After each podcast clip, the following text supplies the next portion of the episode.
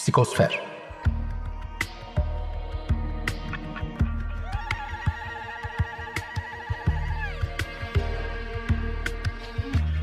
Hazırlayan ve sunan Bülent Usta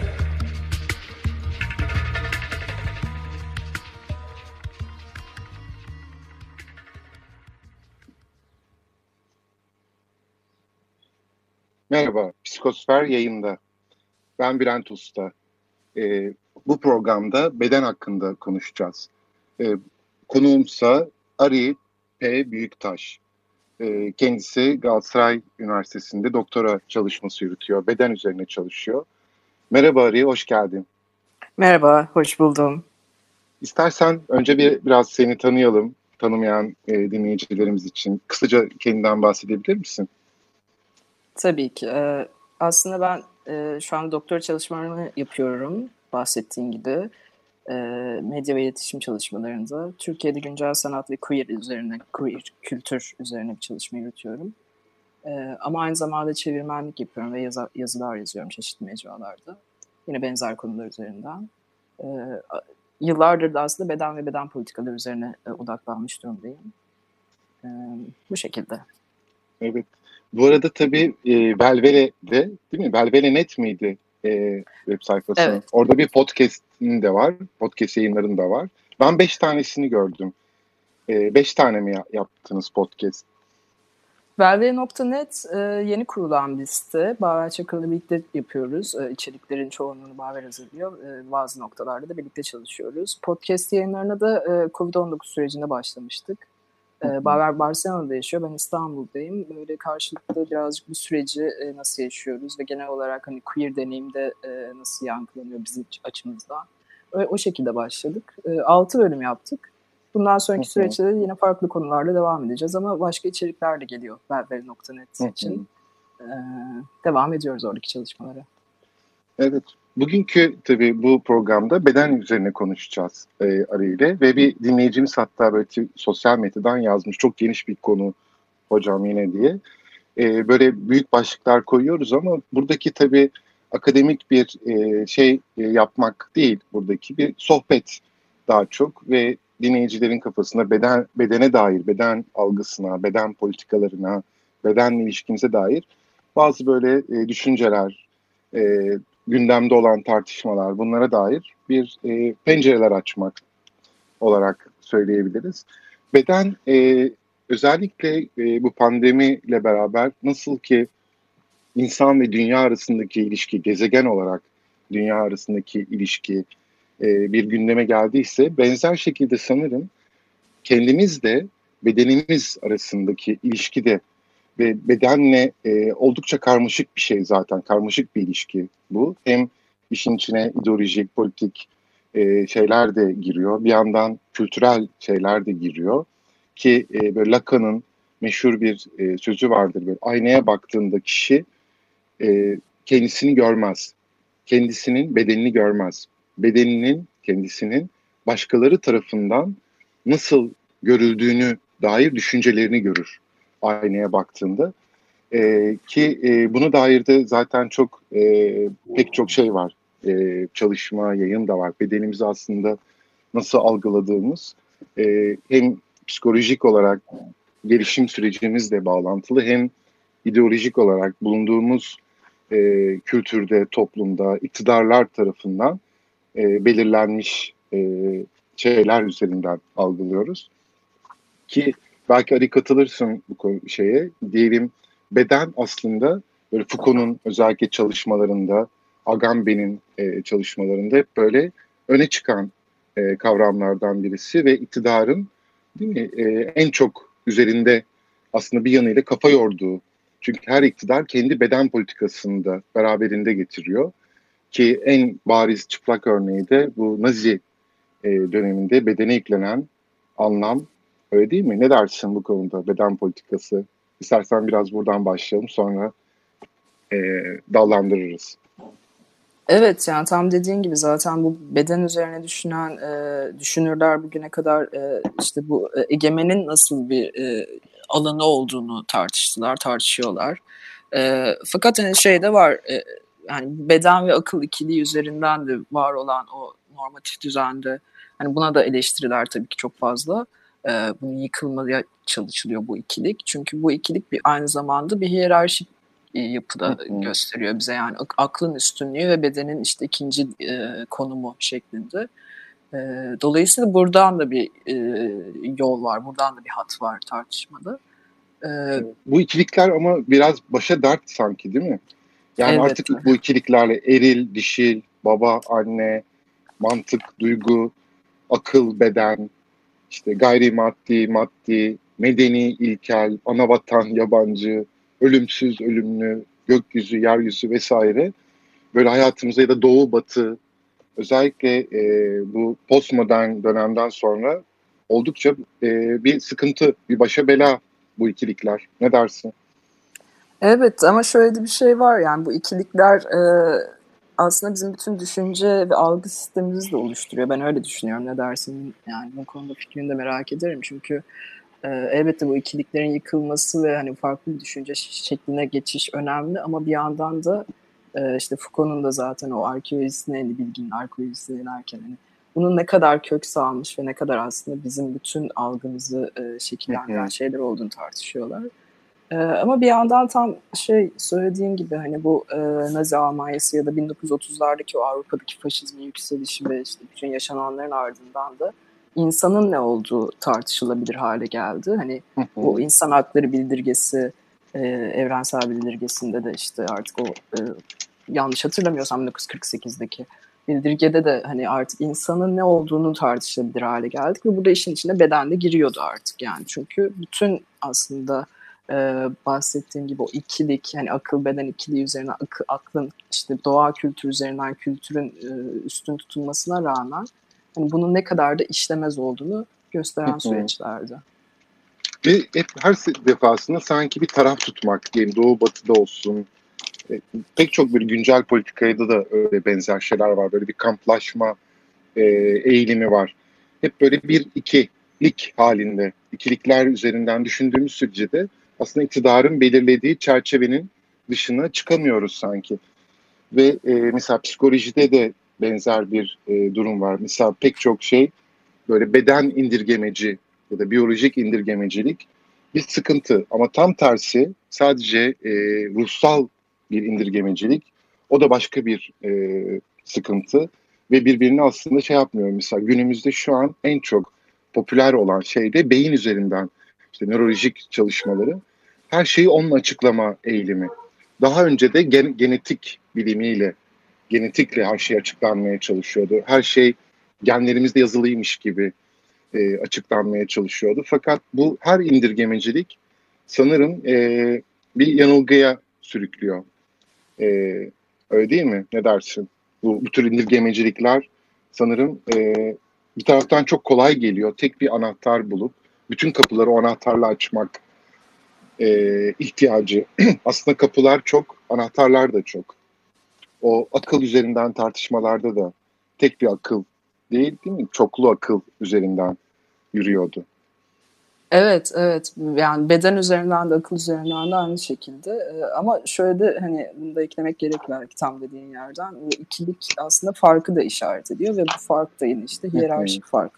Dolayısıyla hani e, burada bir her daim o ikilikte bir öteki ya da işte aşağı olan ortaya çıkıyor. Beden üzerinden düşündüğümüzde de e, bildiğimiz hani e, tabii ki Avrupa merkezci bir yaklaşım üzerinden yani bu medeniyet kurgusu üzerinden hani humanist e, şeyde erkek insan ideali vardır. O Da Vinci'nin işte Vitruvius e, şeyi görseli hemen gözümüzün önüne geldiğinde o aslında ideal standart olan işte erkek insan e, şeyidir. Hani bu mesela bedenin buradan bugünkü tartışmalarına gel bugünkü tartışmamıza gelmesi de önemli bir e, şey. Hani o ideal insanı sorgularken de e, sadece akıl üzerinden sorgulamak değil. Hani bunu mesela işte nereden de düşünebiliriz? Yani daha basit e, de, deneyimlerden düşündüğümüzde de e, dediğim gibi hani queer üzerinden okuduğumda ben e, farklı deneyimlerin bedenle kişilerin kendi bedenleriyle kurduğu deneyimlerin aslında ne kadar e, ötekileştirmenin dışında yok sayıldığı, yatsındığı da e, önemli bir nokta bence. Çünkü orada e, yine o belki mükemmel erkek insan idealinden bahsetmiyoruz şu anda bedeni konuştuğumuzda artık oradan birazcık çıktık neyse ki ama yine de e, belki işte o beden boyutları işte e, farklı bedenlerin nasıl e, kendi e, kendini ifade edebileceği üzerinden falan bunlar hala böyle bir e, her alanda, her disiplinde e, çok tartışılması gereken konular. Hani daha yolun başındayız aslında. Bu, ben böyle görüyorum.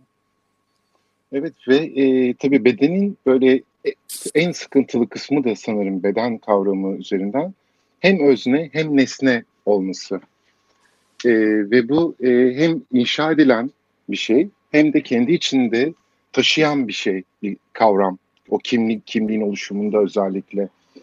E, bu da e, beden, bedenle ilgili şeyi biraz e, tartışmaları da zorlaştıran kısım olsa gerek. Ne dersin? Hem özne hem nesne olması evet. açısından.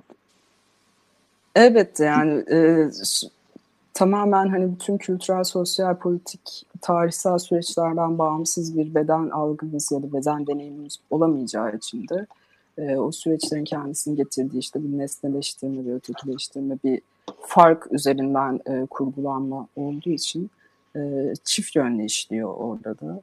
E, ben mesela buna, bundan biraz bahsetmek isterim. Bu zombi e, figürü üzerinden evet. bir çalışma yapmıştım. Orada da yine bu nesne özne durumu. Özellikle hani e, et olmak yani bedenin kendisinin de etselliği e, İngilizce'de flesh dediğimiz yani tam belki Türkçe'de et dediğimizde anlaşılmıyor ama şu anki koşullarda başka alternatifimiz yok. O etselliğin kendisinin e, neye tekabül ettiğini de düşünmeye başlamıştım ben. E, burada mesela hani zombi figürünün e, bir özne olamayacağı ama bir e, beden olarak bir insan bedeni ya da insan bedenine yakın bir e, figür olarak öznelliği, özne olup olamayacağını tartışmıştım. Bu yine aslında temel soruya dönüyor. Yani insan nedir? Biz insanı nasıl düşünüyoruz? İnsan neden oluştuğunu düşünüyoruz diye. E, o ikiliyi güzel yansıtan bir örnek bence zombi bu açıdan.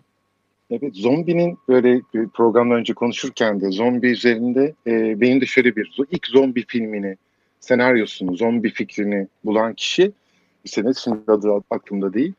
E, evinin böyle şeyi bir hipermarkete bakıyor balkonu ve balkonda çalışırken o, o zaman da tam o gün Kara Cuma bu büyük alışveriş çılgınlığının yaşandığı gün e, ve insanlar e, şeyde toplaşıyorlar hipermarketin önünde ve kapılar açıldığında birbirlerini çiğneyerek e, markete koşturmalarından esinlenerek ilk zombi e, şeyini fikrini buluyor.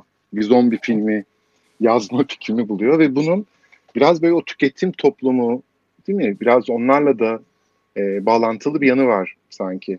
Zombi, oradaki zombilerden e, şey yapma, ve onun dediğin gibi sanki zombinin bir taraftan sadece etten bir oluş hali. Ve ona kültürel evet. bir şey giydiremediğimizde değil mi? Korkulacak bir şey, korkulacak bir yani et olarak bedenden bir korkma. Aynen o şekilde yani bu e, bir yandan bir sömürgecilik e, geçmişiyle de bağlantılı bir süreç var. Hani zombi figürünün e, popüler kültüre özellikle sinema üzerinden daha sonra farklı mecralarda girişinde e, yani tarihsel olarak baktığımızda tabii ki hani tam senin dediğin yerden o filmlerin ilk çekilişine e, yani artık Amerika'da rastlıyoruz ama öncesinde hani böyle bir şey nasıl gidiyor dediğimizde de işte aslında Amerika Birleşik Devletleri ile Haiti arasındaki e, o sömürgeci etkileşim sonrası e, sömürgeci söylemde bir korku üretiyor. Bu da o bedenin kendisinin neye tekabül ettiğine dair işte o ötekiliğin temsili veya daha az insan nedir? Ee, yani şöyle küçük bir notta bu Haiti'den bahsetmişken söyleyeyim hani Haiti mitolojisinde de e, aslında temel e, emirleri takip eden bir beden olarak zombi diye bir figür var. E, ve bir hani köle efendi ilişkisi var orada da. Ama bir şeyi görebiliriz mesela hani ben neden buna odaklanmayı tercih ettim? Çünkü orada bir insan kabuğu olarak bir beden var. Yani içinin boş olduğu ve e, aslında bir benlik kaybı, içsel kayıp e, mantık açısından. Bir de inanç açısından da işte bedeni istila eden bir dış güç. Bunların hepsi aslında bugünkü e, modern kapitalist düşüncede, sömürgeci söylemin e, getirdiği, o da o günlerden getirdiği düşüncede korku üreten şeyler. Yani bedene aslında bir korkuyla da yaklaşmak var bu açıdan. E, dolayısıyla o benliğin kaybından itibaren e, beden bir korku yaratıyor.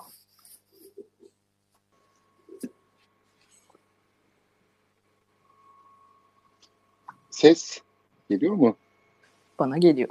Heh, bir an şey bağlantı koptu. Ee, şimdi normale döndü galiba. Evet. evet. E, şeyden de konuşuyorduk. E, vampir ve zombi. Vampirciler var bir de zombiciler. e, değil mi? Evet bu. sen hangi yani... sen hangi taraftansın? Zombici misin, vampirci? Bir de kurt adamcılar var. bir de kurt adamcılar evet. tabii tabii. Yani bu aslında popüler kültürün bize sunduğu e, yani düşünmek için güzel e, araçlar diye düşünüyorum ben bu figürleri. Çünkü yine işte insanın kökenini sorgulayabiliyoruz. insanın insanlığını sorgulayabileceğimiz e, bir antidot olarak da düşünebileceğimiz araçlar. Yani vampir için şöyle bir şey var. Vampirler aslında arzulanan yaratıklarda yani böyle bir iğrenç veya kötü çok görünmez ama vahşiliği var ama şurada mesela işte bu özellikle insan sonrası teorilerde, posthuman teorilerde de insan hayvan makine tartışması vardır. Hani burada hayvansılığını da bedenin beden ve akıl ikiliğinden bahsetmiştik. Bu bedene sadece döndüğümüzde bu sefer de doğa ve hayvansılık e, kısmı giriyor işin içine. E, mesela vampirler daha hayvansı. Çünkü işte bütün o mitolojide daha sürüngenlerden gelen bir şey olduğu varsayılır falan. E, kurt adama bakarsak o yarı hayvan. Hani hem insan hem hayvan. E, daha arafta bir varlık. Ama zombi mesela insan aslında. Köken itibariyle insan. Bir insan bedeni ama artık insanla sorgulanabilir hale geliyor. Çünkü sadece bedenden ibaret kalıyor ve bir diğer özelliği de ölü bedenden itibar, ibaret kalmış oluyor. O ölümlülük de e, önemli bir mevzu. Bedenin ölümlülüğü. E, çok büyük bir konu tabii şu anda. Buna girmiş olmam ayrı bir şey ama e, evet, bir, bu şekilde. Evet bir yandan e, vampirler tabii ölümsüz, zombilerse ölümlü böyle bir şey de var. Yani oradaki cazip gelen nokta belki oradaki ölümsüzlük şeyi de olabilir. E, vampirlerin. Evet. e, ee, tabii ve zombiler bir ölü ve çirkin. Ölmek çirkin bir şey. Ölü çirkin bir şey. Algısı. Evet yani iğrenç bir şey aslında. Abject bir şeye dönüşüyor orada. İğrençleşiyor.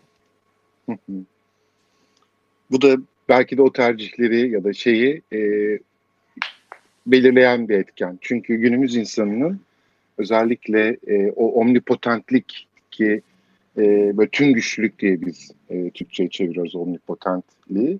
E, böyle anne karnında işte bebeğin o tanrısal böyle herhangi bir şey yapmadan yaşaması, bütün ihtiyaçlarının karşılanıyor olması ve e, dünyaya geldiğinde de bunu e, yanılsamalı olarak bir süre sürdürüyor. Anne bütün ihtiyaçlarını karşılamaya çalışıyor ve sonra o korunmasız ve savunmasızlığını e, keşfetmesiyle beraber o omnipotentlik kırılmaya başlıyor. Fakat bu yanılsamayı genellikle de sürdürme eğiliminde oluyoruz.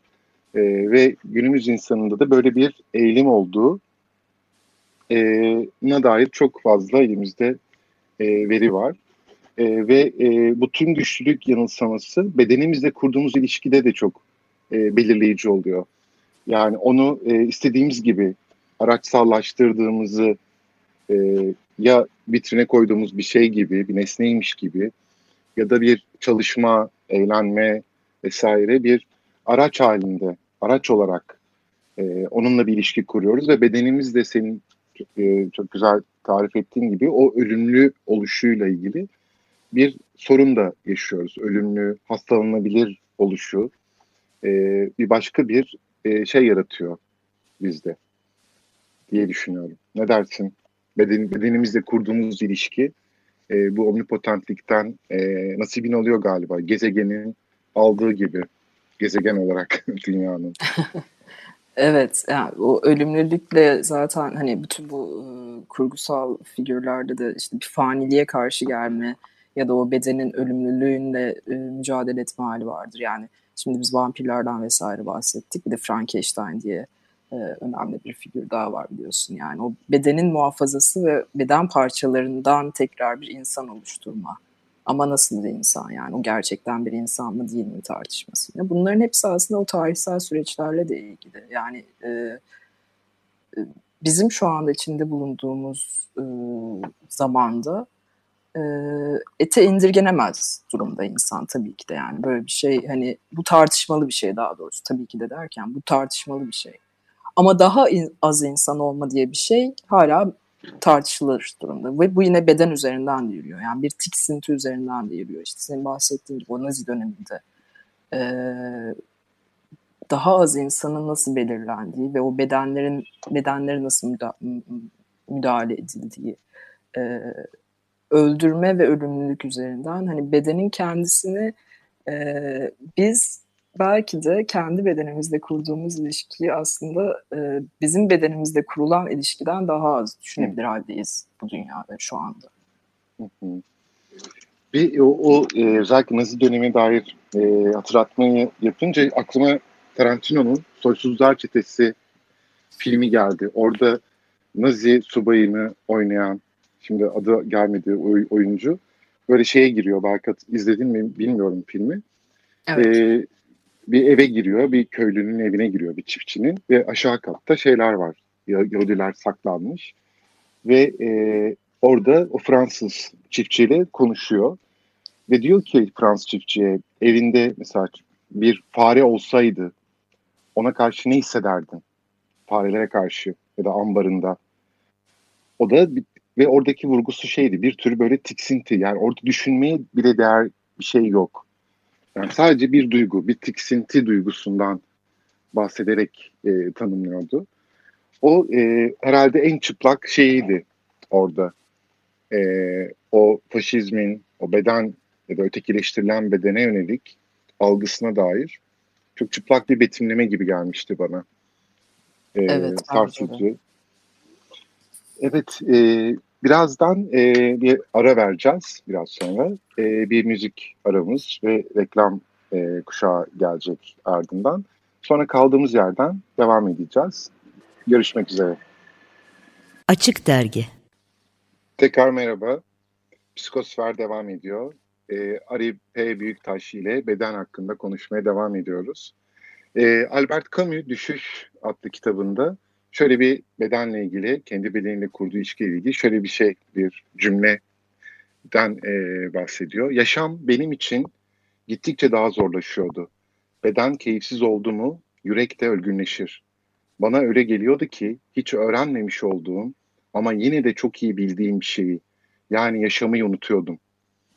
Sanırım e, günümüzde yaşamayı unutma e, çok e, yaygın bir durum haline geldi ve bedenimizle kurduğumuz ilişkide de o tüm güçlülük yanılsamasıyla tıpkı zihnimizdeki omnipotentliği bedenimizle kurmaya devam ediyoruz. Ve bu da e, pek çok e, tıpkı dünyada dünyanın gezegen olarak hastalanması gibi pek çok şeye e, maruz bırakıyor bedenimizi. Onu bir araçsallaştırma, onunla kurduğumuz ilişkide daha çok bir kabul görme, onaylanma, e, bu tür şeyler üzerinden e, bir e, ilişki kuruyoruz. Ve e, Freud e, özellikle ego yani benlik üzerine yazdığı yazılarda egonun öncelikle beden beden ego olduğunu altını e, çizmişti. Ve e, zaten dünyaya geldiğimizde de e, soma yani beden olarak dünyaya geliyoruz öncelikle. Sadece bir bedenden ibaretiz. Sonradan ego oluşuyor ve ve daha sonra da süper ego oluşuyor üst benlik dediğimiz şey oluşuyor ve orada bedenin e, daha çok dürtülerle id olarak tanımladığımız dürtülerle olan e, ilişkisi aslında belirliyor. İdin haz ilkesi yerine ego gerçeklik ilkesini geçirmeye çalışıyor.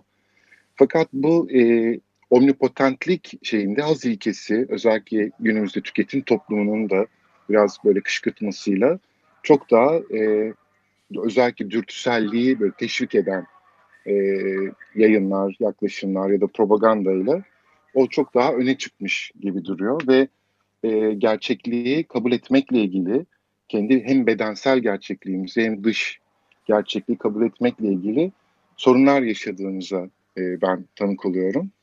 E, ve bu ilişkimiz bozul, bozulması aslında biraz da post-truth denilen o hakikat ötesi diye tanımlanan e, çağımızla ilgili bir durum ve gerçeklikle ilişkimiz bozuldukça sanırım hem bedenimizle hem de dünya olarak gezegenle de ilişkimiz e, bozuluyor. E, ne dersin bu konuda Ali? Yani bedenimizle, gerçeklikle bir sorunumuz olduğu kesin. Evet, bence de o şekilde ve e, bir yandan belki şunu da eklemek önemli. E, bedenle kurduğumuz ilişki derken belki çok genel bir yerden söylüyoruz. Hani genel algı üzerinden söylüyoruz ama bazı bedenlerde, bazı deneyimler daha doğrusu e, o bedenin kendisine indirgendiği noktada ve hatta beden üzerinden sadece konumlandırıldığı noktada bütün varoluş o da başka bir şeye e, işaret Hı-hı. ediyor. E, bir yandan da bunu yaşıyoruz. Yani eş zamanlı olarak hem senin dediğin gibi yani post-truth döneminde o gerçeklik algımızın e, kırılması e, ya da e, bozulması diyelim.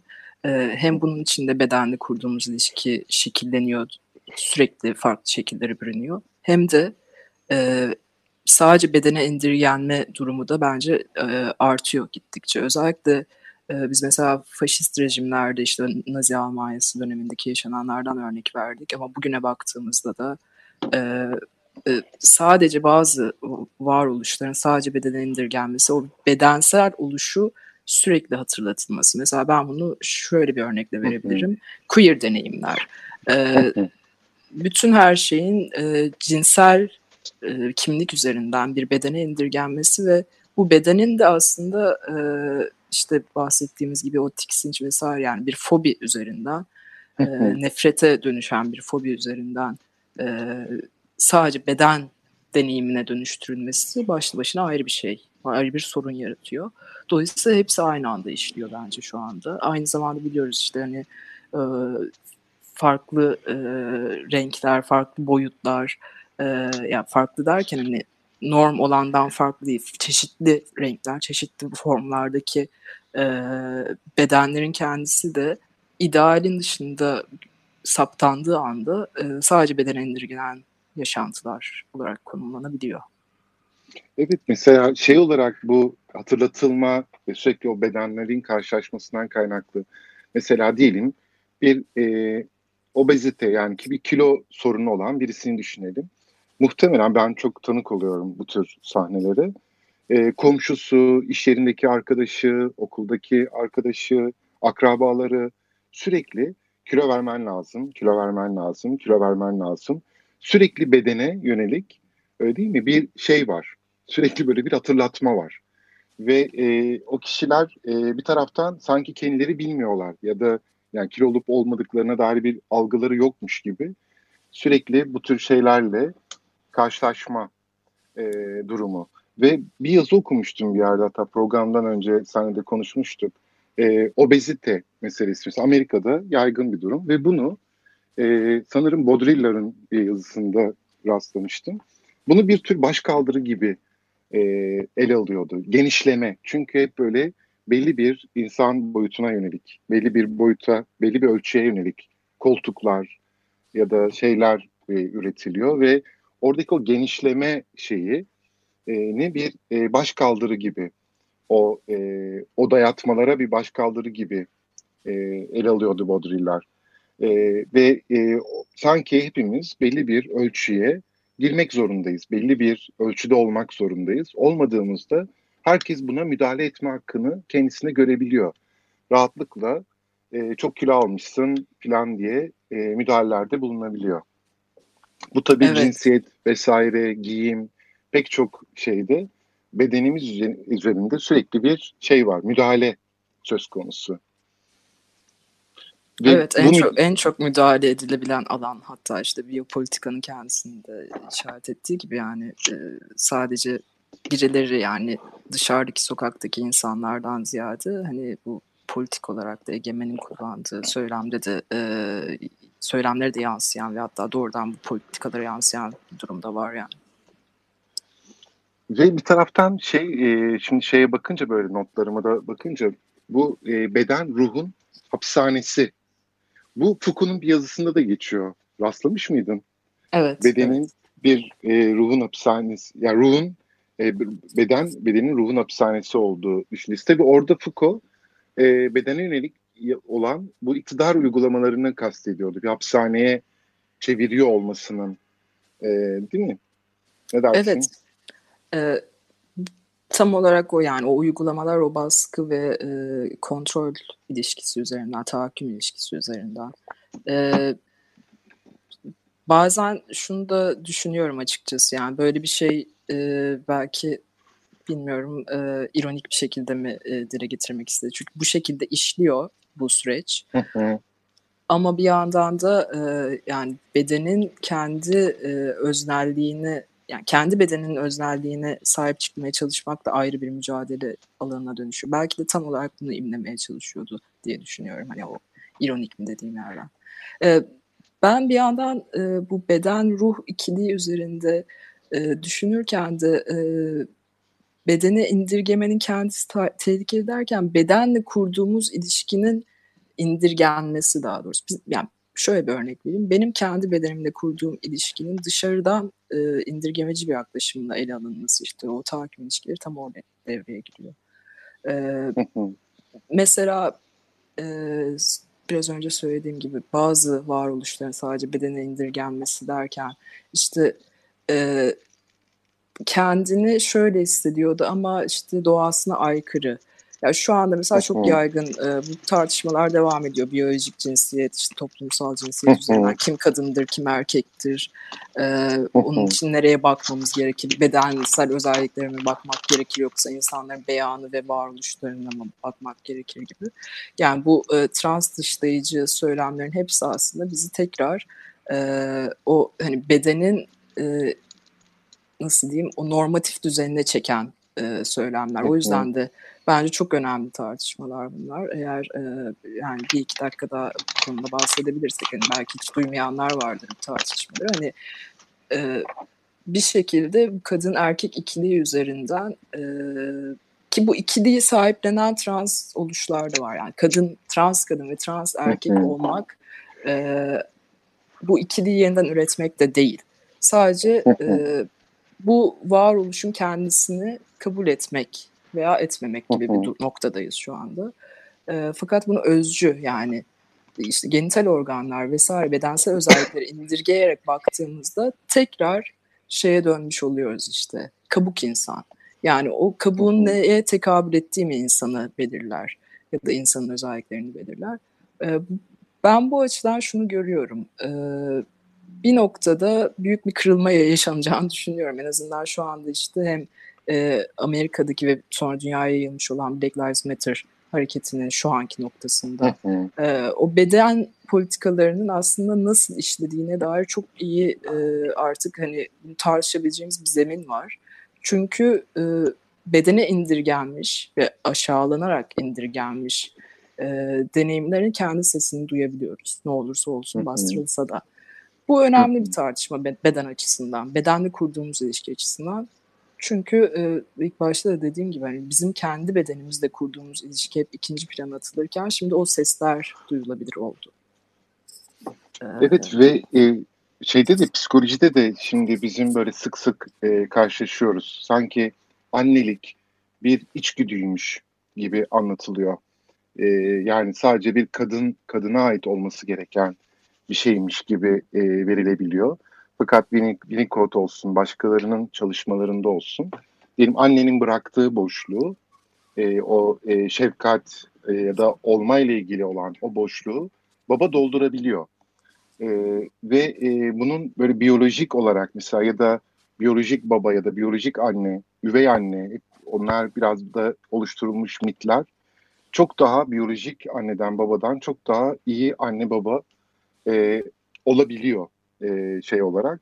Ve bunun için diyelim bir trans kadın ya da trans erkek e, ki öyle örnekler var dünyada da e, çok rahat anne baba e, şeylerini yerine getirebiliyorlar aslında. Çünkü önemli olan e, psikolojide e, ruhsal annelik babalık meselesi.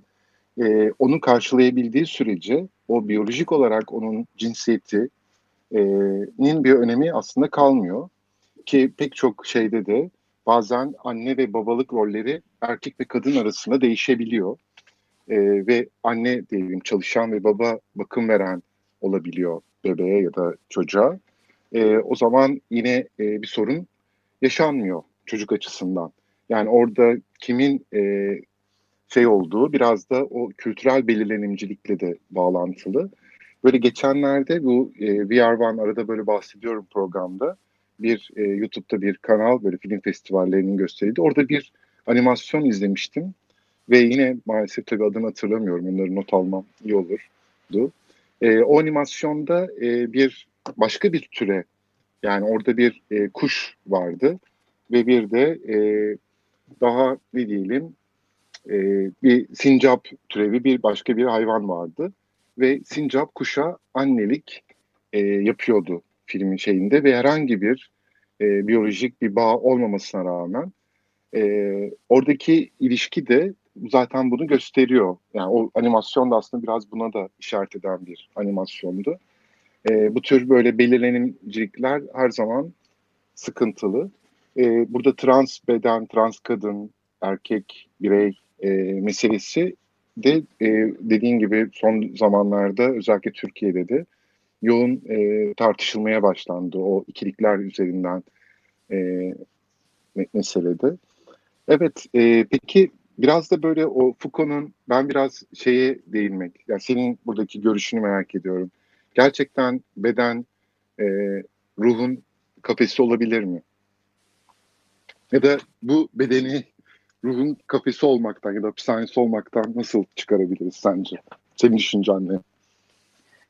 Yani beden ve ruh hatta beden, ruh, akıl vesaire hani bu farklı alanlar. Yani bu zaten felsefe tarihinde de sonra işte psikolojide de psikanalizde de. Yani bunlar e, hep tartışıla gelmiş konular ama ben hani kişisel olarak e, bugüne kadar yaptığım çalışmalarda da çok böyle bir hani ayrı bir yerden değil daha holistik bir yerden de bakmaya çalışıyorum. E, tabii ki olduğu haliyle değil. Yani ne demek mesela hani olduğu haliyle derken bedenin kendi olduğu haliyle beden e, anlayışına da biraz e, karşı çıkıyorum ama işte akıl veya ruhun kendisinin zaten bütün her şeyden arınmış ve başlı başına e, her şeyden bağımsızmış gibi olması da mümkün değil. Bahsettiğim gibi o bütün tarihsel, sosyal, politik e, süreçleri de barındıran bir şey var içinde. Dolayısıyla hani beden ruhun hapishanesi midir bilmiyorum. Hepsi hepsinin hapishanesi olabiliyor e, farklı deneyimlerde, farklı anlarda hatta. Çünkü bir yandan da sosyal ilişkiler içerisindeyiz. Yani izole hayatlar yaşamıyoruz. Belki de bu e, Covid-19 sürecinde kendi bedenimizle baş başa kaldığımız anlar kalabildiysek, böyle bir imkan olduysa, herkes için geçerli değildi. E, o anlarda belki sorgulanabilir hale geldi ama genelde bu kadar izolede yaşamıyoruz ve her e, etkileşim farklı bir noktaya bakmamızı sağlıyor. Bazen tam tersi de olabiliyor demeye getiriyorum yani ruh evet, bedenin bazen, hapishanesi evet, olabiliyor. Değil mi? Kesinlikle. Ve burada aslında o ruh beden e, ikiliği mesela psikoloji açısından da bir problem. E, yani ruh ve beden ben bir psikoterapist olarak ruh ve bedenin çok böyle ayrı değerlendirilemeyeceğini, ayrı öyle bir ayrıma gidilemeyeceğini düşünüyorum. Bedendeki her şey e, psikolojik şeyimizi çok etkiliyor ve tam tersi o somatize dediğimiz, somatize etme dediğimiz ruhsal e, meselelerde bedensel e, şeylere, hastalıklara ya da e, değişimlere neden olabiliyor. E, arada e, çok böyle bir böyle bir ayrım yapabilecek bir durum yok. Zaten egonun da benliğinde özellikle beden üzerinden e, kendisini var ettiğini, e, sonrasında idealizasyonla beraber, süreciyle beraber o üst benliğin oluşmasıyla e, bir ayrışma e, hatta bir, bazen de bir tür kop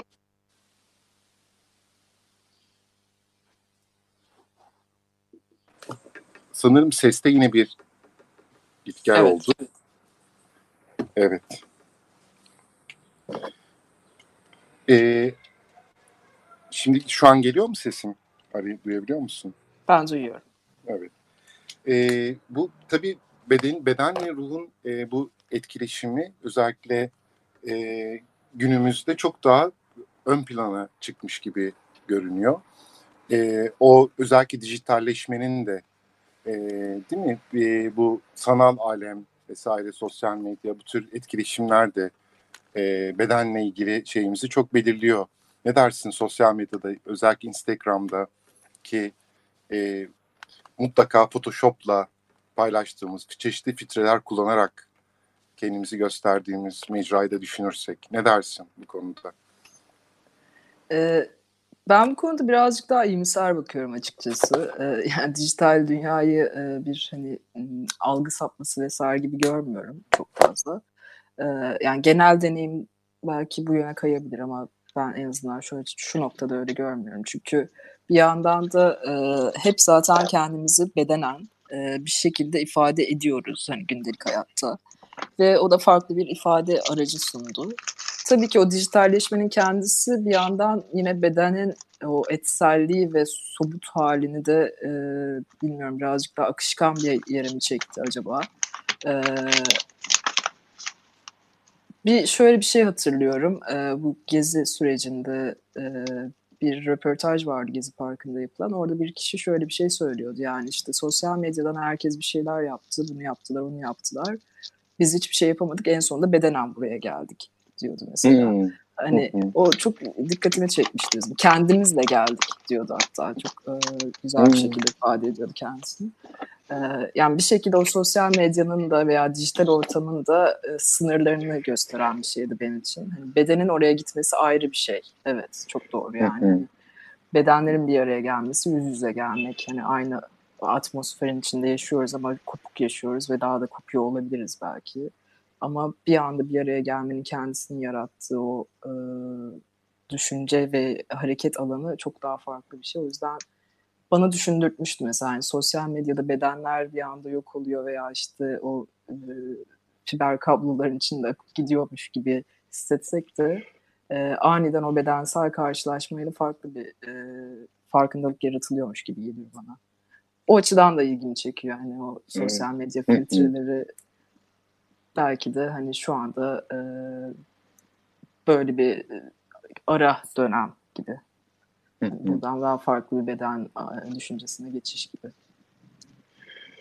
Evet ve mesela şu an tabii biz böyle karşı karşıya sen e, başka bir mekanda ben başka bir mekanda pandemiden kaynaklı olarak e, kendi e, yerlerimizden ve yüz yüze değiliz e, ve beden olarak karşı karşıya değiliz. Ve bu tabii e, konuşmanın akışını da öyle değil mi? Biraz böyle sadece sözcükleri indirgeyerek etkileyen bir şey. E, özellikle zaten e, insanın o, böyle oluşsal olarak da böyle, yani doğduğumuzdan itibaren ilişkisel varlıklarız ve bebeklerin ilk aradığı şey bir yüz. Yani bakabilecekleri, görebilecekleri bir yüz ve buna dair böyle çok enteresan e, çalışmalar da var, deneyler de var. Mesela bir yüzü parçalara ayırıp öyle gösteriyorlar bebeğe ve hiçbir tepki vermiyor. Sonra normal bir yüz e, gösterdiklerinde bir tepki veriyor. E, ve o yüzün e, aldığı şekle göre bir tepki veriyor. Bu karşılaşmalar özellikle Spinoza'nın böyle çalışmalarında da kitabında da böyle görüyoruz. E, o bedensel karşılaşmayı çok önemsiyor. O bedensel karşılaşmanın o duyulara harekete geçirişi e, özellikle e, belirleyici oluyor o kişinin öznel olarak değil mi? duruşu ya da etkileşimiyle bağlantılı olarak. Ne dersin? Spinoza da ansak mı? Beden üzerine konuşup. Evet, evet. Bence çok iyi oldu.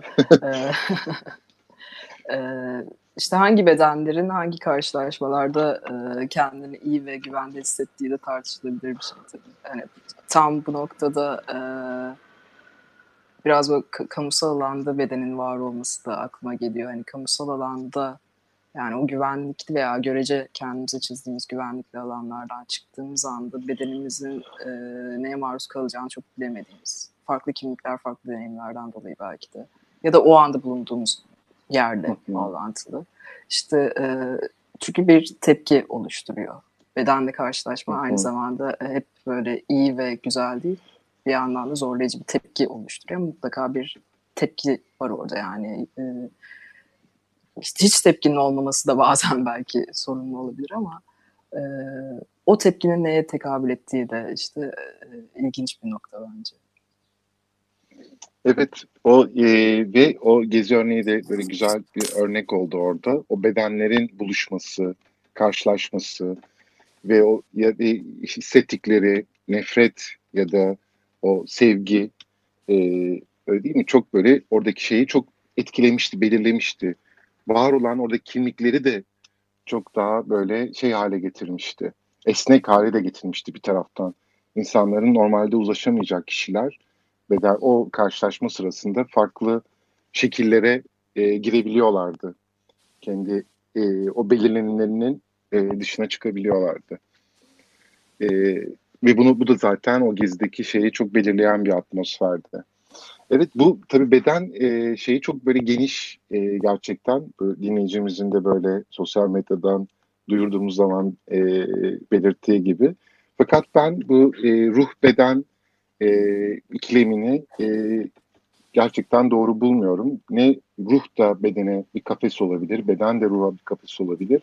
Önemli olan ikisinin birbirini kabul etmesi ve e, birlikte e, burada e, önemli olan zihnimizdeki o omnipotent, o tüm güçlülük yanılsamasından ne kadar vazgeçebilirsek o dış gerçekliği de o kadar kabul edebilir ve fanteziler yerine çünkü fantezi ve hayal arasındaki farklılıklar çok önemli. Fantezide gerçekliği inkar üzerine kurulu.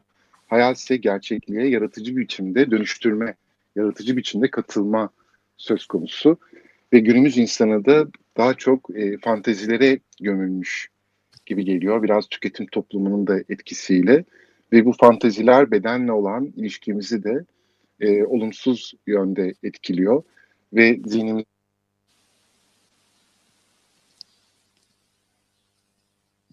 makinenin e, e, içine girip sanki istediğimiz ölçülerde bir bedenle o makineden çıkabileceğimizi e, varsayıyoruz. E, bu da e, pek çok böyle sıkıntıyı peşinden getiriyor. E, son e, dakikalarımıza e, gelmişiz. Ali senin söylemek istediğin şeyler var mı son olarak? Ee, tam dediğin gibi zaten çok büyük bir konu ama bence hani bazı noktaları ele alabildik. Ee, tabii ki bunların hepsini çok açmak, tartışmak mümkün. Ee, en azından beden üzerinden e, hem psikoloji alanında hem farklı disiplinlerden e, böyle daha kesişimsel yaklaşımlarla e, bu konuyu ele almak benim çok tercih ettiğim bir şey. Bu açıdan da teşekkür ederim ayrıca sana hani buna imkan sağladığın için.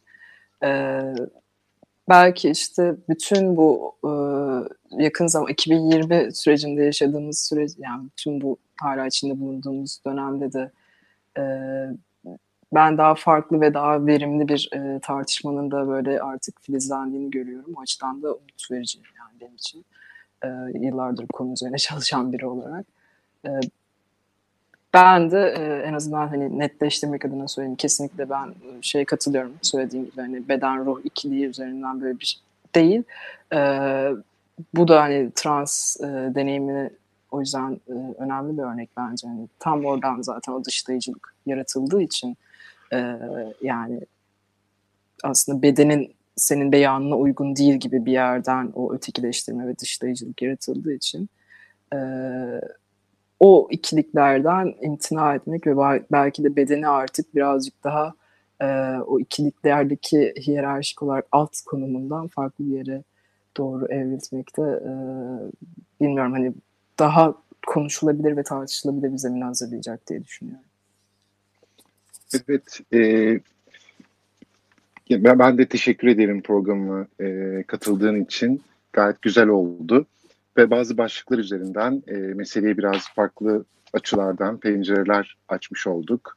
E, ve bunun devamını umarım önümüzdeki programlarda da getiririz ve daha spesifik şeyler üzerinden belki bunu yaparız. Katıldığın için çok teşekkür ederim. E, e, dinleyicilerimize de bizi dinledikleri için teşekkür ediyorum. E, görüşmek üzere. İyi akşamlar. Psikosfer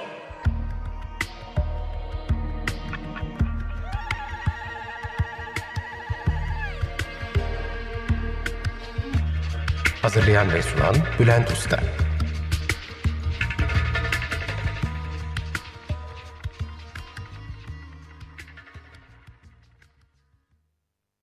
Açık Radyo program destekçisi olun. Bir veya daha fazla programa destek olmak için 212 alan koduyla 343 41 41.